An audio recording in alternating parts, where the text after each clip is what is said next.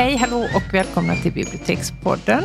Elisabeth Skog. Mm, hallå där Jeanette, hej. Ja, allt bra? Ja tack, mm. det är det. Vi ska haka på en pågående trend eh, som pågår lite grann på tv och i sociala medier. Mm. Där eh, kända och okända personer ombes att prata om böcker som har förändrat deras liv. Och du blir lite nervös av ja. det här uppdraget. ja, det är ju starka ord. Ja, det är mycket starkt. Eh, för jag tänker så här, förändra livet. Det handlar ju inte bara om att det är en bok som har varit fantastiskt bra, utan det, det, det behöver ju inte ens ha varit bra. Eh, men det, den har gjort någonting med en. Mm. Och det är lite, alltså, efter ett långt läsliv är det svårt att hitta de där liksom avgörande tycker jag. Men samtidigt är det en rolig grej och det pågår eh, just nu i Babel framförallt. Mm. Precis. Så att eh, vi behöver inte, alltså det är inte ristat i sten det vi säger här. Vi kan komma på något nästa vecka att varför sa jag inte den boken? Nej, och då exakt. får vi göra ett litet kan vi göra ett errata. Till. ja. ja. Men eh, din första. Mm, vi har valt att hålla det här hemligt för varandra ja, och att prata om två böcker på man. Mm. Och det är lite speciellt det där, för annars brukar vi veta vad det är vi ska prata om och vad den andra ska säga mm. och vad vi ska... Sådär. jag har nu, gömt min bok ja, på stolen vet, för att inte du ska se den. Tjuv, jag såg att det var en liten tjock bok ja. som du hade med dig. Men Väldigt då börjar jag med något eh, tunt till utseendet tunt, inte många sidor. För då vill jag säga att något som verkligen har påverkat mig och förändrat min syn på en massa saker så är det eh, det handlar om Birgitta Lillpers och det handlar om en diktsvit som heter Väntans svit. Mm. Som ingår i en samling som heter Propolis och den kom 1995. Okay. Och det är någonting med den här väntansviten, kommer först i den boken och det är som då det själva det här begreppet svit antyder så är det flera dikter och det här gemensamma temat är att vänta. Och det tycker jag är så himla intressant det där med det liksom fenomenet att vänta. För det, mm. det, det, har jag gjort och det har du, alltså det, har, det gör man ju under livet. Mm. Man kan vänta på olika saker. Man mm. kan vänta på Alltså man kan vänta under en dag, kan man vänta på att saker ska hända och man kan tänka att man kan vänta på kärlek eller man kan vänta på att livet ska börja. När börjar det roliga, ja. som Klas Katt sa. ja, precis det där att man och det här tillståndet, att, liksom, vad gör man medan man väntar? Det tycker mm. jag är jätteintressant. Och jag hade kanske inte tänkt så himla mycket på det, men när jag läste det här så var det en sån ögonöppnare för mig. Och inte minst det sättet som hon skriver på, för det är... Men det, temat framgår tydligt i alla ja, dikterna då? Ja, det gör ja. den. Ja. Det är uttalat vad ja, väntan gör och vad mm. hon väntar. Uh, mer eller mindre explicit. Så, så han, jo, det, det handlar ju verkligen om, om väntan och hur man liksom, vad gör man under sin väntan och hur förhåller man sig till det. Och, mm. Um, Men tänk, det, dyker det upp hos dig då när, när du väntar? Mm. Tänker du då? Det, det, kan hända att det gör. Ja. Och, alltså hon skriver så fantastiskt. Alltså det, detta är både det är både lätt och svårt på något sätt. Det finns vissa formuleringar som jag liksom inte alls förstår men som jag tycker ändå är så, mm. så vackra så att jag bara får rysningar mm. av dem. Och jag kan återvända till de där sidorna. Och, mm. och, alltså det handlar ju också mycket om liksom, ja, men vad litteratur kan göra med oss och hur mm. litteratur kan vara. Um, det där, ibland så har jag tänkt, men det gäller nog hennes, flera av hennes dikter, att det är att jag känner mig så hemma i dem. Att det är som att komma in i ett hus jag kanske inte har varit i. Och så, så känner jag ändå ett sånt välbehag när jag mm. läser. Jag är mm. liksom trygg när jag läser för jag vet att, mm. att här finns något för mig. Och det är nog allra, allra starkast i de här mm. väntans svit-dikterna. Och eh, de är tonsatta, just den här sviten är tonsatt också. Så vi kan spela en liten bit ja. ifrån den här väntans svit så kan ni få höra hur det låter. Det Ska vi göra det innan du tar din första bok? Ja, varsågoda. Ja, då kommer det här.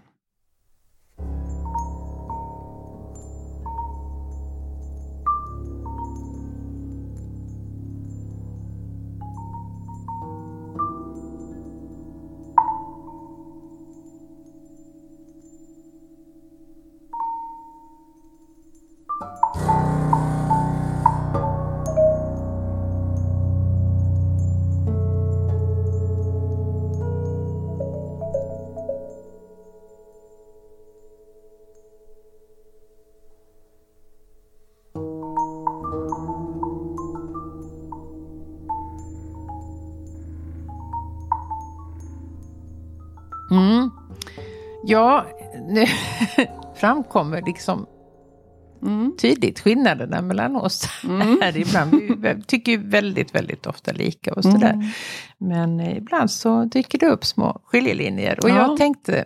Eh, alltså jag har också ältat det här ganska mycket. Mm. Vad som ska anses förändra ens liv. Ja. och jag tänkte också mycket att, att, vi har, att många sådana favoriter har vi pratat om så många gånger i podden. Så att de vill jag Precis. inte komma dragande med igen. Nej. Nej. Och som sagt så handlar det inte bara om att en bok har varit bra och gjort intryck på en. Utan det, på något sätt tänker jag att den har varit så omvälvande att den har förändrat ens syn på världen. Ja. Och det verkar ju ja. Lill-Pers ha gjort. Ja det har den verkligen och gjort. faktiskt mitt, nu ska jag mm. hålla fram den här ja, tegelstenen. Jaha, eh, Oj. Det är, ja. ja eh, det är journalisten Erik Wik som har skrivit en mm. bok som heter Göteborgskravallerna och processerna. Mm. Och den gjorde verkligen jättemycket med mig. Jag har mm. läst hela, tror det eller ej, den är enormt tjock. Många, 700 sidor. Den är 763 sidor ja. och den kom ut 2002. Och den själva, är som den tegelstenen, den är på bilden. Exakt, den, exakt. Ja.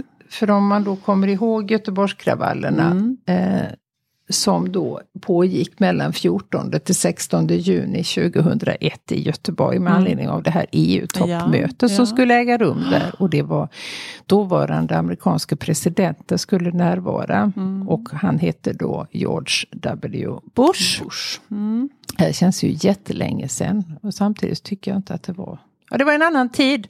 Mm. Men det här eh, EU-toppmötet omgärdades ju av så mycket och man mobiliserade så starkt eh, från samhällets sida. Och det kom dit mängder med eh, demonstranter eh, från hela Norden och mm. hela Europa kan jag mm. säga. Väldigt mycket ungdomar.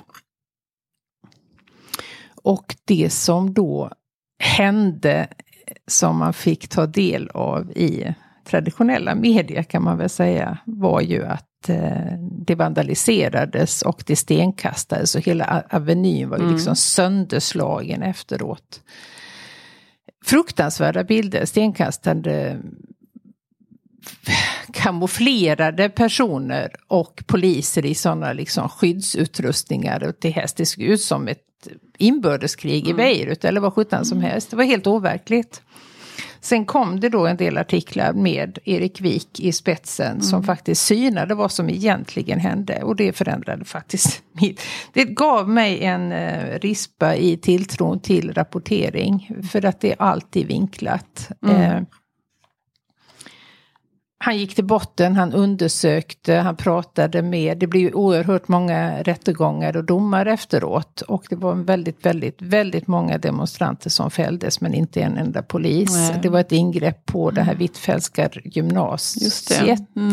Mm. Eh, och tesen som, eller som han faktiskt, det är inga teorier utan ganska klara bevis för att eh, poliserna begick ju oerhört många övergrepp och eh, behandlade de ungdomarna väldigt brutalt. Så att det på något sätt i sig utlöste eh, kravallerna, mm. att det mm. provocerades mm. fram faktiskt. Mm. Mm. Det var ju inte den bilden som man fick när man tittade nej. på Nej, och jag kände redan då när jag mm. försökte prata med folk om det här att... och, och, jag kommer ihåg att man sköt, polisen sköt ju en ung kille i ryggen så han var väldigt, väldigt nära att dö. Eh, och väldigt många blev skadade. Att det här måste, kan inte vara så förenklat som det framställdes Nej. i pressen. Och det var det ju verkligen inte heller. Sen har ju såklart Erik Wik också blivit kritiserad såklart. för sin framställning. Men mm. eh, jag tycker man kan läsa den och få en fördjupad bild mm. istället för den svartvita som mm. förmedlades. Sen gjorde faktiskt också Lukas Moodysson och eh, Jarl, Stefan Jarl heter han va, filmaren.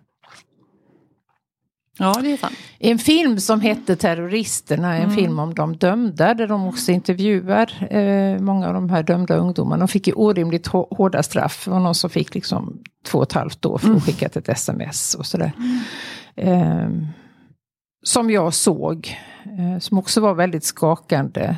Där man visar hur polisen stormade lägenheter. Liksom man kom in med hela kravallstyrkan. Och där låg en 18-åring och sov. Alltså, mm. Det fanns ingen det var som att skjuta liksom mygg med älgstudsare på mm, något sätt. Mm. Sen drogs den filmen tillbaka så jag tror inte det Jaha. finns möjlighet att Oj. se den längre. Ja. För det var någon av de, de, som var med i filmerna som ångrade sig som inte ville vara mm. med då. Mm. Ja, jag var ganska upptagen av hela mm. de här liksom, fenomenet ett tag och att det liksom naggade någonting i tilltron till hur saker rapporteras och ja, framställs. Mm. Ja, mm. och samtidigt så utvecklade det mitt kritiska tänkande. Det är jag ganska ja, tacksam för. Det ju, det är bra när det finns alltid mer bakom mm. ytan. Ja. Och det visar sig ju väldigt ofta mm. såklart.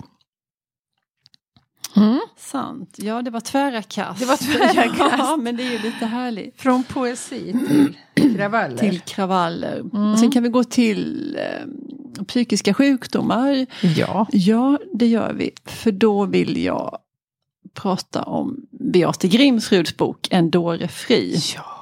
Som gjorde något bestående intryck på mig mm. och som faktiskt fick mig att... För det handlar, huvudpersonen där är ju en kvinna med schizofreni. Mm. Um, och jag kan inte säga att jag liksom för, eller vad ska jag säga, att jag kan inte säga att jag förstår hur, det, hur, hur, det, hur man tänker eller hur det fungerar i ens hjärna. Men, men, men den, ehm, den vidgade ändå blicken för mm. hur det kan vara. Mm.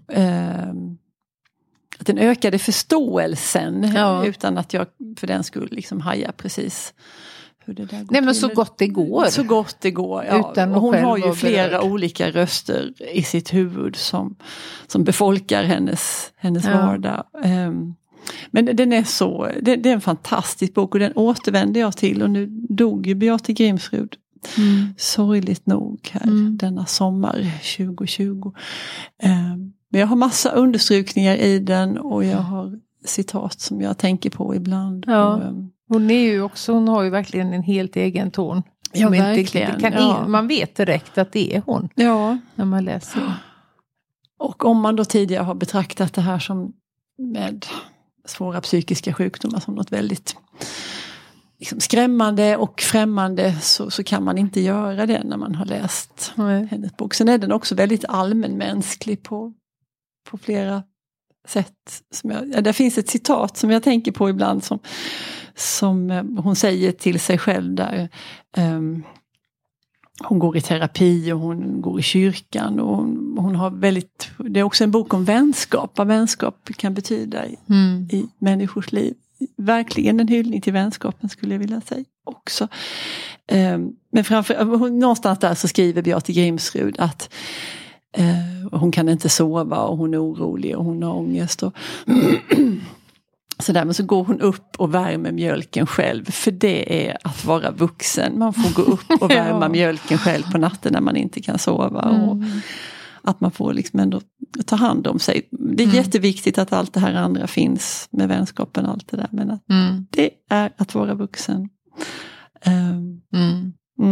Ja, jag tycker jättemycket om den boken och den har definitivt förändrat mitt liv och ja. hur jag ser på olika saker.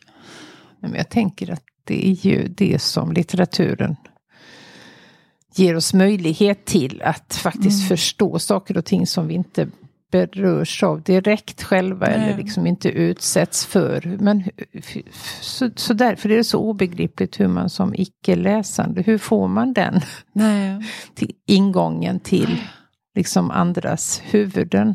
Det går ju inte. Nej, det går inte. För jag tycker inte att filmmediet kan det på, alls på samma sätt så som böckerna kan. Nej. Mm. Mm. Nej, men jag har en eh, min bok nummer två då. Mm. Det är också en fackbok. Ja. Jag tror det är bra att vi mm. du jobbar med, alltså jag läser ju nästan bara skönlitteratur men eh, en och annan fackbok ja. slinker med och det är ju det som jag jobbar med också. Det mm. är eh, Fattigfällan av Charlotta ja, von Zweigbergk. Mm. Eh, så vi har, hon har varit gäst i podden, författare till den och den mm. handlar ju om en eh, verklig person som heter Beata som helt utan egen förskyllande hamnar i den djupaste fattigdomen man kan faktiskt tänka sig i ett rikt land som Sverige. Och hur det går till och hur det liksom långsamt, långsamt eh, hennes liv hon är ju, Beata i boken är ju en, en av oss. Mm. En medelklasskvinna som bor i Stockholms innerstad och har ett eget företag, men blir sjuk. Och sen liksom hur det steg för steg tappar hon totalt to, äh, fotfästet och hur äh, samhället inte hjälper henne. Nej. Och hur alla de här åtgärderna som de sätter in och misstron mot henne. Att, mm det beskriver hon så väldigt väl att alla behandlar henne som att hon var en, liksom en fuskare som försöker tillskansa sig någonting. Mm. Och att man liksom kontrollerar. Om man istället då för att betala alla de här människorna som kontrollerar henne, skulle ge henne en bråkdel utav det som det kostar, så mm. skulle hon komma på fötter igen. Men det är det ju mm. inte tal om. Nej. Och jag var så tacksam när jag läste boken över att det är så lätt att när man själv har sitt på det torra, eh, att tänka att ja men skärp er nu. Ja. Eh, mm. Eller varför gör du sådana val? Mm. Eh, och det, det gjorde den boken med mig. Jag tänkte jag ska aldrig döma någon annan Nej. för hur den har det. För det finns alltid en anledning. Mm. Och också en stark tacksamhet över att inte vara i Beatas mm. situation. Och jo. dessutom en medvetenhet om att vi allt, alla kan hamna där. Mm, det tycker jag är nyttigt att Väldigt nyttigt. Det, det, ger en mm. liten eh, ödmjuk inställning till mm. sin egen lyckliga mm, lott faktiskt. Precis, att inte, man behöver inte slå sig för bröstet så himla Nej, duktigt. det ska vi inte göra.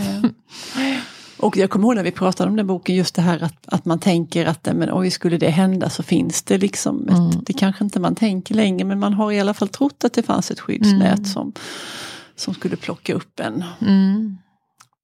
Till en viss gräns och, och, ett visst men eh, men det här liksom hela den här liksom maskineriet som hon dras in i och att mm. ingen riktigt lyssnar på henne och känslan av att hela tiden liksom försvara sig och förklara sig mm, och mm. hopplösheten i till slut att det är ingen idé. Det är ingen idé att öppna mina Nej. räkningar för jag kan ändå inte betala dem och konsekvenserna som det i sin tur, alltså man mm.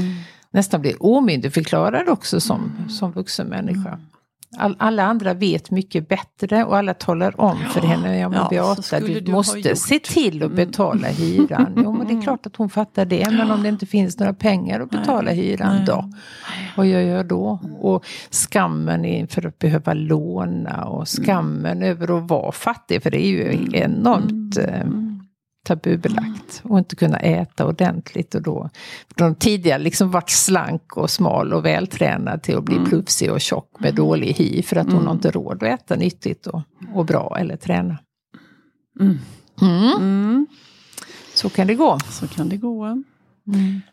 Ja, nej men du, det här var några böcker som har påverkat oss starkt och mm. förändrat vår syn. Ja.